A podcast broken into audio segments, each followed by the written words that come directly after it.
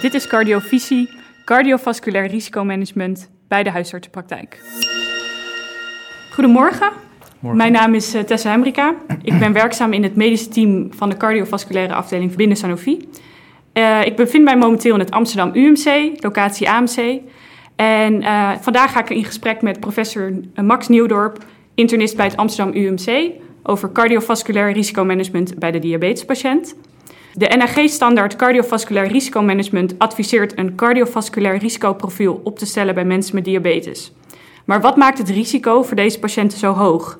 En wat kan je aan preventie doen in de huisartsenpraktijk? Nou, daar gaan we vandaag Ja. over in gesprek. Ja, meteen een mooie, mooie binnenkomer. Ehm, ja, eh, eh, we je hebt natuurlijk eh, overgewicht, dat ongeveer bij een derde van de Nederlanders voorkomt. En dat zal alleen maar toenemen in de komende jaren. Ehm, en als je daarnaast dan ook diabetes hebt, dus, eh, of insulineresistentie, zoals we het ook wel noemen. Ja, dan, wat je dan ziet is dat je lichaam minder goed eh, de voeding, stoffen die je opneemt, met name je cholesterol, je lipiden en je suikers, kan verwerken.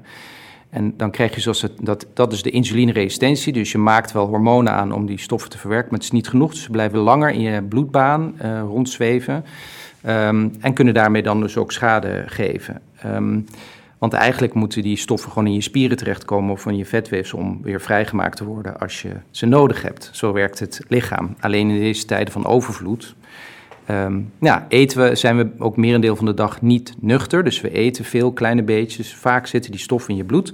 En als je diabetespatiënt bent, kun je die stoffen minder goed uit je bloed halen.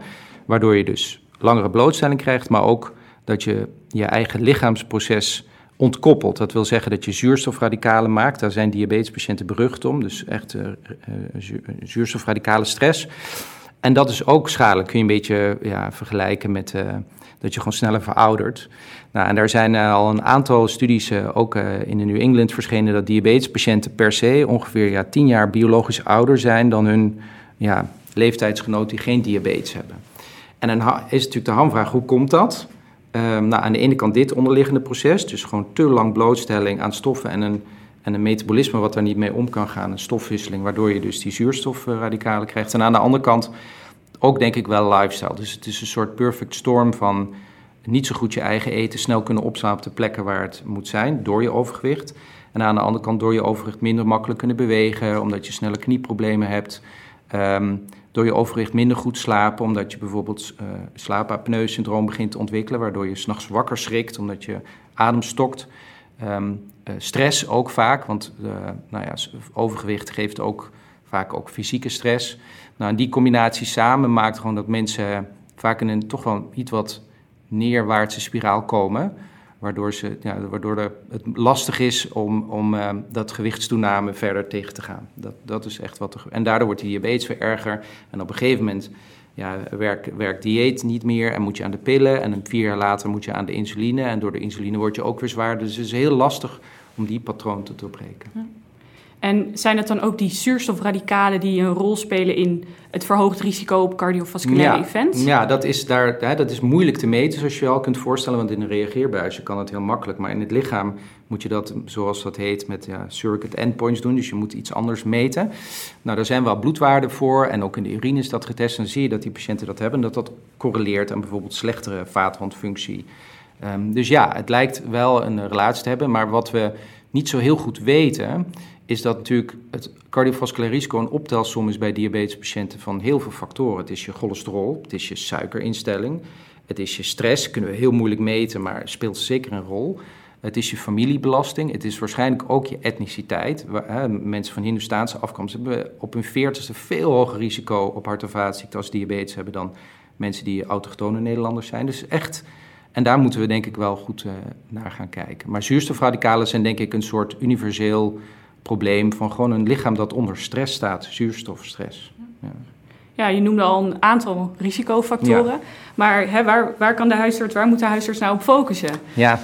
Ja, dat is een heel goed punt. Um, omdat je eigenlijk, ik stel me dat zo voor, ik, ik zie zelf patiënten natuurlijk in de tweede lijn, maar we geven wel vaak ook uh, onderwijs uh, hier in de regio, Zuidoost, Amsterdam, Zuidoost en de Bijlmer aan, uh, aan de huisartsen. En nou, ten eerste, waar moet de huisarts focussen? Want A, de huisarts heeft niet zo heel veel tijd, soms een 10 minuten consult, 20 minuten consult. En de diabeteszorg is ook voornamelijk vaak deels ook uitbesteed aan de POH, dus de praktijkondersteuner. Dus waar moeten zij beide op focussen? Nou, ehm, het belangrijkste blijkt toch wel dat je die patiënten tijdig moet vinden. En nou ja, nu staat er in de richtlijn bijvoorbeeld vanaf je vijftigste jaarlijks controleren, maar dat geldt denk ik niet voor een Hindoestaanse patiënt. Die moet je veel eerder al op zijn 35ste misschien al gaan zoeken. Dus daar is een soort maatwerk, denk ik, eh, wat, eh, wat belangrijk is. Ja, verder eh, begint het met dieet. Dat wordt ook in die, nou ja, om het zo te zeggen, in de, in de richtlijn genoemd. Schrijf van vijf, goed eten, let op stress. Maar er worden niet echt handreikingen gedaan hoe je dat dan moet doen. Terwijl ik denk dat daar de crux zit. We weten, nou, eerder over keer diabetes om. Als je lifestyle echt verandert, kun je een hele hoop diabetes wegnemen. Uh, heel veel pillen zou je kunnen afbouwen. Als die ziekte maar niet ver genoeg gevorderd is. Als je lang genoeg diabetes hebt, put je alvleesklier uit en ben je insulineafhankelijk, dan kan niks meer aan doen. Geen bariatrische chirurgie om gewicht te uh, of dieet of keer diabetes om. Dan ben je echt, ja, dan is de ziekte te ver uh, heen. Dus nou, stel je voor, ik heb iemand van 50 die dan net die verhoogde suikers heeft. Dan begin je wel, nou, zou ik zeggen, dan begin je met wat, wat is dieet, wat is lifestyle. En op een gegeven moment ontkom je niet aan pillen. Uh, want dat is denk ik wel uh, wat het is. Dus er zijn hele mooie studies gedaan, uh, zowel met iedere pil apart. Dat kon nog in de jaren 90. Gingen we bijvoorbeeld kijken wat is het effect van de cholesterolverlager op het hart- en vaatziekterisico bij diabetespatiënten. Nou, dat hangt dan kun je dat uitrekenen. Hoeveel mensen moet je behandelen om één hartinfarct te voorkomen? Dat heet numbers needed to treat. Nou, en voor statine, in die tijd, in de jaren 90, ligt dat rond 7, 1 op 37. Dus je kunt 37 mensen behandelen, voorkom je één infarct. Nou, dat is, dat is fors. Maar kom niet in de buurt van roken, stoppen met roken, want dat ligt er op 1 op 10 of zo. Uh, voor overgewicht uh, reductie weten we het minder goed, maar wel dus voor de complicaties. Maar bloeddruk verlagen ligt niet rond 1 op 37, ligt ja, een beetje afhankelijk van studies, soms 1 op 30, soms 1 op 50. Dus ik denk dat cholesterol, uh, stoppen met roken en dus, en dus je, waarschijnlijk je dieet, je lifestyle heel belangrijk zijn um, als je die 20 minuten met die patiënt hebt. Want ja, het is misschien heel cru, maar we weten allemaal dat als die patiënt komt en die krijgt de diagnose, het eerste wat ze denken is ja, maar dat gaat mij niet gebeuren. Dus, dus soms gaan ze heel hard lifestyle veranderen en zie je dat de diabetes weer verdwijnt. Soms verdwijnen ze uit zicht omdat ze bang gemaakt eigenlijk zijn door die diagnose. Um, en soms volgen ze heel braaf het advies, maar blijkt het gewoon niet genoeg. En als ze dan, dat, hè, dan kom jij met als dokter, u heeft diabetes en dan ga ik u dus nu met een pil behandelen voor de suiker en een pil voor het cholesterol en met een beetje pech ook nog een pil voor de bloedstolling. Krijgen ze in één keer drie recepten in één keer. Nou, en zelfs toen ik in opleiding was, 35, 30 jaar geleden, toen ik begon met mijn geneeskondleiding, toen, toen werd al gezegd 50% van de patiënten haalt zijn recept niet op. Waarom zou dat anders zijn bij deze patiënten? Dus maatwerk is echt heel belangrijk. En ik denk toch ook het praten. Maar dat is makkelijk zeggen in een academische ivoren toren waar je 20 minuten voor een patiënt hebt die je frequent ziet. Ja. En ik neem aan dat u bij, hè, bij de Number Needs to Treat, u net noemde, dat het ook gaat om de primaire preventie. Ja. Dus de patiënten hebben nog geen event ja. gehad, voelen zich misschien ook nog niet heel erg ziek. Ik kan me voorstellen dat dat ook... Nou, dat is überhaupt het grote probleem van diabetes, um, dat je het niet voelt. Dus, dus je, je hebt overgewicht, voel je, en als je maar lang genoeg overgewicht hebt, gaan je gewrichten slijten. Je voelt je iets vermoeider, ook weer door die stofwisseling. Maar diabetes zelf is echt een silent killer. Daarom denk ik ook, ja, gaan we er niet aan ontkomen om die ziekte wel te medicaliseren, dus in screeningsprogramma's op te nemen. Want voor de regio Amsterdam weet ik dat we heel veel patiënten, waarschijnlijk ongeveer 20 tot 30 procent, niet uh, onder zorg hebben terwijl ze wel diabetes hebben. Puur omdat ze of door de maas van de screening ingaan of 35 zijn in plaats van 50 en gewoon net niet, omdat ze andere etniciteit hebben, niet, niet gevangen worden. Ja, dat is wel een, dat is wel een probleem. Want je voelt het niet dat je die ziekte hebt. En, en ondertussen is het wel een sluipmoordenaar, want, want, de, want de gevolgen zijn uh, enorm. Dus inderdaad, aan de ene kant een ziekte waarvan je niet meteen als je een pil gaat slikken merkt, ook voel me beter. Dus het, het vereist medicalisering, hoe vervelend dat ook is. Uh, maar wel een ziekte die, als je er zo vroegtijdig bij bent, uh, en je weet ook dat een deel door de leefstijl komt, terwijl ook op dat front nog het meeste te winnen is. Ja. Misschien wel meer dan pillen. Ja. En juist ook in de diabetespatiënt wil je, hè, nou ja, in alle patiënten natuurlijk, maar juist in die diabetespatiënt ook dat cardiovasculaire ja. event voorkomen. Want ja. ik heb begrepen dat ze ook hè, juist de diabetespatiënt nog slechter eigenlijk. Ja, nou ja, er zijn een paar dingen bij diabetespatiënten als ze een hartinfarct krijgen. Het e-, eerste is dat je vaak, uh, als ze op de eerste hulp komen, uh, maar dat geldt bijvoorbeeld ook voor vrouwen, dat ze minder snel, uh, ze hebben minder snel de klassieke klachten. Dus olifant op je borst, pijn in je linkerarm, pijn in je kaak. Dat, dat wordt vaak door de schade van diabetes niet vaak gezien. Dus het wordt nog wel eens gemist. En dan krijg je een stil infarct. En dan ja, heb je heel veel schade. Want je had...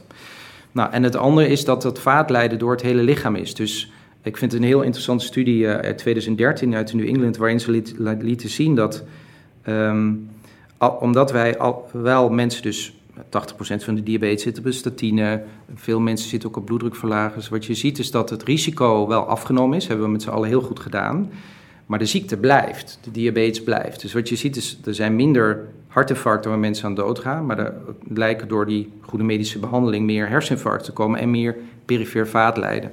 Dus als, die, als dat vaatlijden één keer begonnen is, hè, en of het nou in het hart is of in de benen, ja, dan weet je, dan, dan, ja, dan, dan kun je met medicatie het maximale uh, proberen te bereiken. Maar ja, die ziekte gaat dubbel zo snel voort eigenlijk, door wat we net bespraken. En de zuurstofstress en de cholesterol. Ja. Dus daarbij geldt eigenlijk nogmaals, het vroegtijdig behandelen, starten van behandeling is heel belangrijk. Ja, en durven te kijken als zorgverlener naar wie is mijn patiënt. Het is namelijk, we hebben hele mooie richtlijnen. Ik heb ze vanochtend nog een keer doorgenomen om even de getallen uh, te kunnen, uh, vers te kunnen noemen. Maar ja, je weet, je weet zelf dat, zo'n, dat het maatwerk is. Je weet, je weet dat de ene patiënt, denk je als, je, als die voor je zit, jeetje, je bent 35 en uh, van Surinaamse Hindoestaanse afkomst, denkt dat jij misschien toch het beste bariatrische operatie kunt hebben om je risico naar beneden te brengen. Terwijl dat misschien bij iemand van 50 uh, eh, veel meer ligt in de lifestyle en de stress en een goed gesprek over, over voeding. En, en weer iemand anders van boven de 70, waar je er niet zo hard op gaat zitten, omdat je weet dat daar de medische behandeling, in ieder geval dus de cholesterolverlaging, niet zo heel veel effect mee heeft. Want die patiënt is al 70 geworden, ondanks een x aantal jaar uh, suikerziekte. Wat ook betekent dat er dus ja, een genetisch anders persoon voor je zit dan iemand van 35 met zijn diabetes. Dus ja, er is, ik, ik denk dat het heel belangrijk is om het tijdig op te sporen en waar kan het om te keren. Maar dat vereist een intensief behandelprogramma, vereist, vereist eigenlijk dat mensen hun ziekte onder ogen komen en zeggen: Ik heb die ziekte, ik ga dat samen met anderen te lijf. Want alleen is wel heel lastig. En samen met anderen is niet alleen patiënten, maar ook het gezin. Nou, en dat is, ik heb dat van patiënten gehoord, het is ontzettend lastig als jij probeert gezond te eten en die stressreductie te doen, terwijl om je heen je huishouden heel druk is, er is geldstress of misschien je partner en je kinderen zitten wel lekker ehm, eh, te frituren of cafetaria eten doen, terwijl jij aan de gebakken broccoli moet bij wijze van spreken. Dus het is echt wel het vereist heel veel. Daarom is dit ook zo'n verschrikkelijk moeilijke ziekte. Want het is, niet, het is niet alleen je lichaam, het is ook je omgeving. En het is ook hoe goed kun jij uh, jezelf in toom houden. En dat, dat, is, dat is zo moeilijk. Dat weten we van onszelf ook. Een biertje te veel of een wijntje te veel. Het is zo gebeurd. Dat is het. Ja. Dus we moeten echt oppassen, of ook voor het stigma. Ik denk dat dat wel echt belangrijk is. We moeten, als je dit goed wil doen, moet het aan de ene kant op de agenda en moet het toch gemedicaliseerd worden. We moeten mensen gaan screenen, dat bedoel ik met medicaliseren. En aan de andere kant moeten we erkennen dat het gewoon een ziekte is van je hele lichaam, van je brein tot en met je, je teen. En dat we dit echt, uh, je, moet, je moet dit aanpakken, niet met uh, drie keer per jaar even bij de, bij de assistent, maar je moet er echt fulltime bovenop zitten. En liefst die omgeving ook bewust maken van dat je met je hele systeem, je gezin moet veranderen. Ja, ja duidelijk. Ja, en ja, uh, nou, het blijft, hè, die, die huisarts heeft natuurlijk maar 10 minuten tijd, het eerste gesprek. Ja. Um, hè, het blijft iets waarvan ik ook denk dat de, dat de diabetespatiënt begeleiding in nodig heeft. Uh, hoe kan de huisarts of POH daar nog in ondersteunen? Heb je daar een idee over? Ja, nou ja, we hebben natuurlijk de gecombineerde lifestyle interventies, hè, de GLI. Wordt helaas, vind ik, in Nederland niet zo heel veel gebruik van gemaakt. Misschien ook wel omdat het um, ook weer met name iets meer theoretisch is, terwijl eigenlijk zou je de praktijk willen doen. Ik ben wel eens in Curaçao geweest, waar dan een hele actieve huisarts met zijn, met zijn praktijkondersteuner met zijn patiënten gaat wandelen en samen gaat koken. En dan krijg je dus weer dat groepsidee. En dan slaagt het. En dan stopt het ook. Als de huisarts dan stopt, ja, dan, dan, dan is het weer weg. Dus het, het, ja, en je kunt actief die lifestyle uh, aanmoedigen. Middels de GLI, daar kun je gewoon naar verwijzen. Um, maar ik denk dat, dat als je echt een verandering wil maken, dan, dan zul je je uh, praktijkondersteuner en jezelf je ook moeten nascholen in hoe zit het nou behalve met de medicijnen en hoe ontstaat die ziekte? Wat kan ik eraan doen qua stress, omgeving, dieet, dat soort dingen? En dan daar toch iets actief aan doen.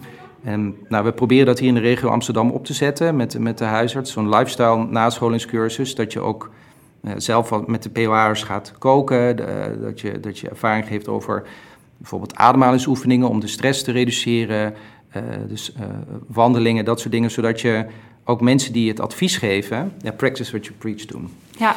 En dit, we snappen het, het is, het is veel te weinig tijd. Ik vind ook dat er, dat er veel meer tijd moet komen en dat je het veel meer in groepsbehandeling moet doen. want uiteindelijk, zelfs, nou ja, laat zeggen, de meest koppige patiënt zal toch baat hebben bij dat er een peergroep is die, die hetzelfde heeft en die je er doorheen trekt. Ja. Um, en wanneer zou een patiënt nou moeten doorverwezen worden naar de tweede lijn? Ja, ja dat, ook daarvoor geldt dat, uh, denk ik dat toch, um, nou, hangt een beetje af van de regio. Dus daarom zeg ik het wat voorzichtig. In, in deze regio hier waar ik werk zijn er laagdrempelige transmurale platforms waarbij uh, even een teleconsultje wordt gedaan zodat die patiënt niet want als hij in het ziekenhuis komt, hè, dan, dan is het heel moeilijk om hem ook weer eruit te krijgen. Terwijl het ziekenhuis is, ik denk dat de diabeteszorg het beste voor de grote uh, aantallen gewoon in de huisartsenpraktijk gedaan kan worden, in, in, ook voor de lifestyle, wat ik net allemaal noemde. Ja, wanneer moet dat? Ja, als een diabetes echt niet in te stellen is, als het, als het overgewicht is bij iemand die heel jong is, waarbij je weet dat bariatrische chirurgie een optie is. Uh, want dan moet hij ook eerst naar de internist en naar de psycholoog. Uh, als de bloeddruk of als er dus complicaties zijn van die diabetes die, die je niet onder controle krijgt. Sommige diabetes hebben torenhoge bloeddrukken, wat ja, waarschijnlijk ook stressgerelateerd, maar ook pure stress van het lichaam dat ze niet om kunnen gaan. Dat het niet om kan gaan met al die overmaat aan voeding. Ja, dan moet je denk ik naar de internist verwijzen. Dus op, als het cholesterol niet onder behandeling is, de bloeddruk niet, de suiker. Um, maar ik denk dat bijvoorbeeld het starten van insulinetherapie bij heel veel huisartspraktijken gewoon prima wordt ingezet. Um, en GLP-1 uh, uh, ook. Dus het, het, pas als je er, maar niet te lang wachten. Dat is denk ik wel het advies. Um, maak gebruik van dat, dat je vaak de internisten wel kent in het ziekenhuis. En een belletje makkelijker is, denk ik, dan een blinde verwijzing. waarbij die patiënt in een soort systeem verdwijnt. En dat proberen wij wel hier aan te moedigen. Dat, het, dat we even meekijken met de getallen, wat advies geven. Want je moet je niet vergeten dat diabetespatiënten heel vaak zeggen: ja, dan gaat mijn eigen risico eraan, dan komt het uh, kosten-issue. En soms komen ze dus dan ook niet. Dus, dus er is veel bij te winnen om het zoveel mogelijk wel de overleg te hebben met de tweede lijn, maar de patiënt in de eerste lijn te houden. En als het niet lukt, natuurlijk gewoon verwijzen, maar niet, niet te lang wachten. Dat, uh, ja, het, is, het is ook weer maatwerk, denk ik. Maar ben bewust dat die patiënten het ziekenhuis angstaanjagend vinden vaak. Uh, dat financiële kwesties een issue zijn. Um, terwijl je ook waarschijnlijk heel veel al met een teleconsult kunt doen. Um, nou, we hebben al denk ik aardig wat tips ook gehoord. Hè? Aandachtspunten voor de huisartsen en praktijkondersteuners.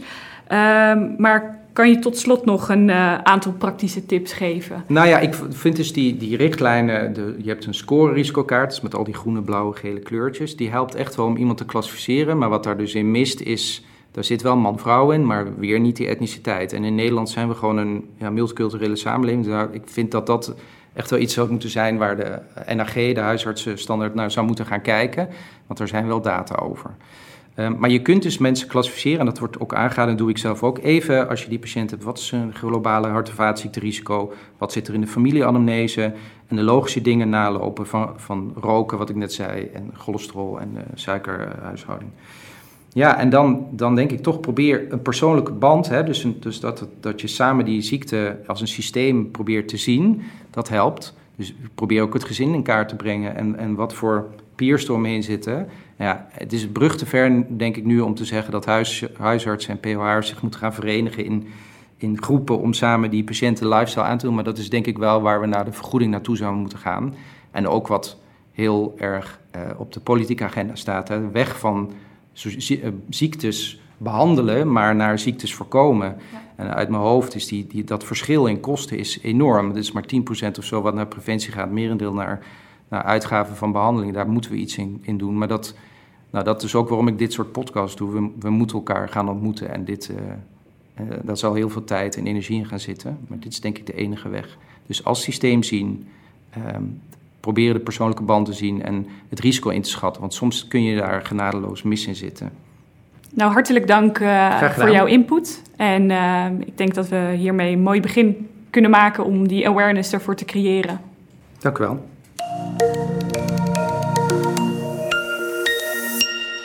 Heeft u naar aanleiding van deze podcast nog vragen of opmerkingen? Neem dan contact op met medische afdeling cardiovasculair@sanofi.com.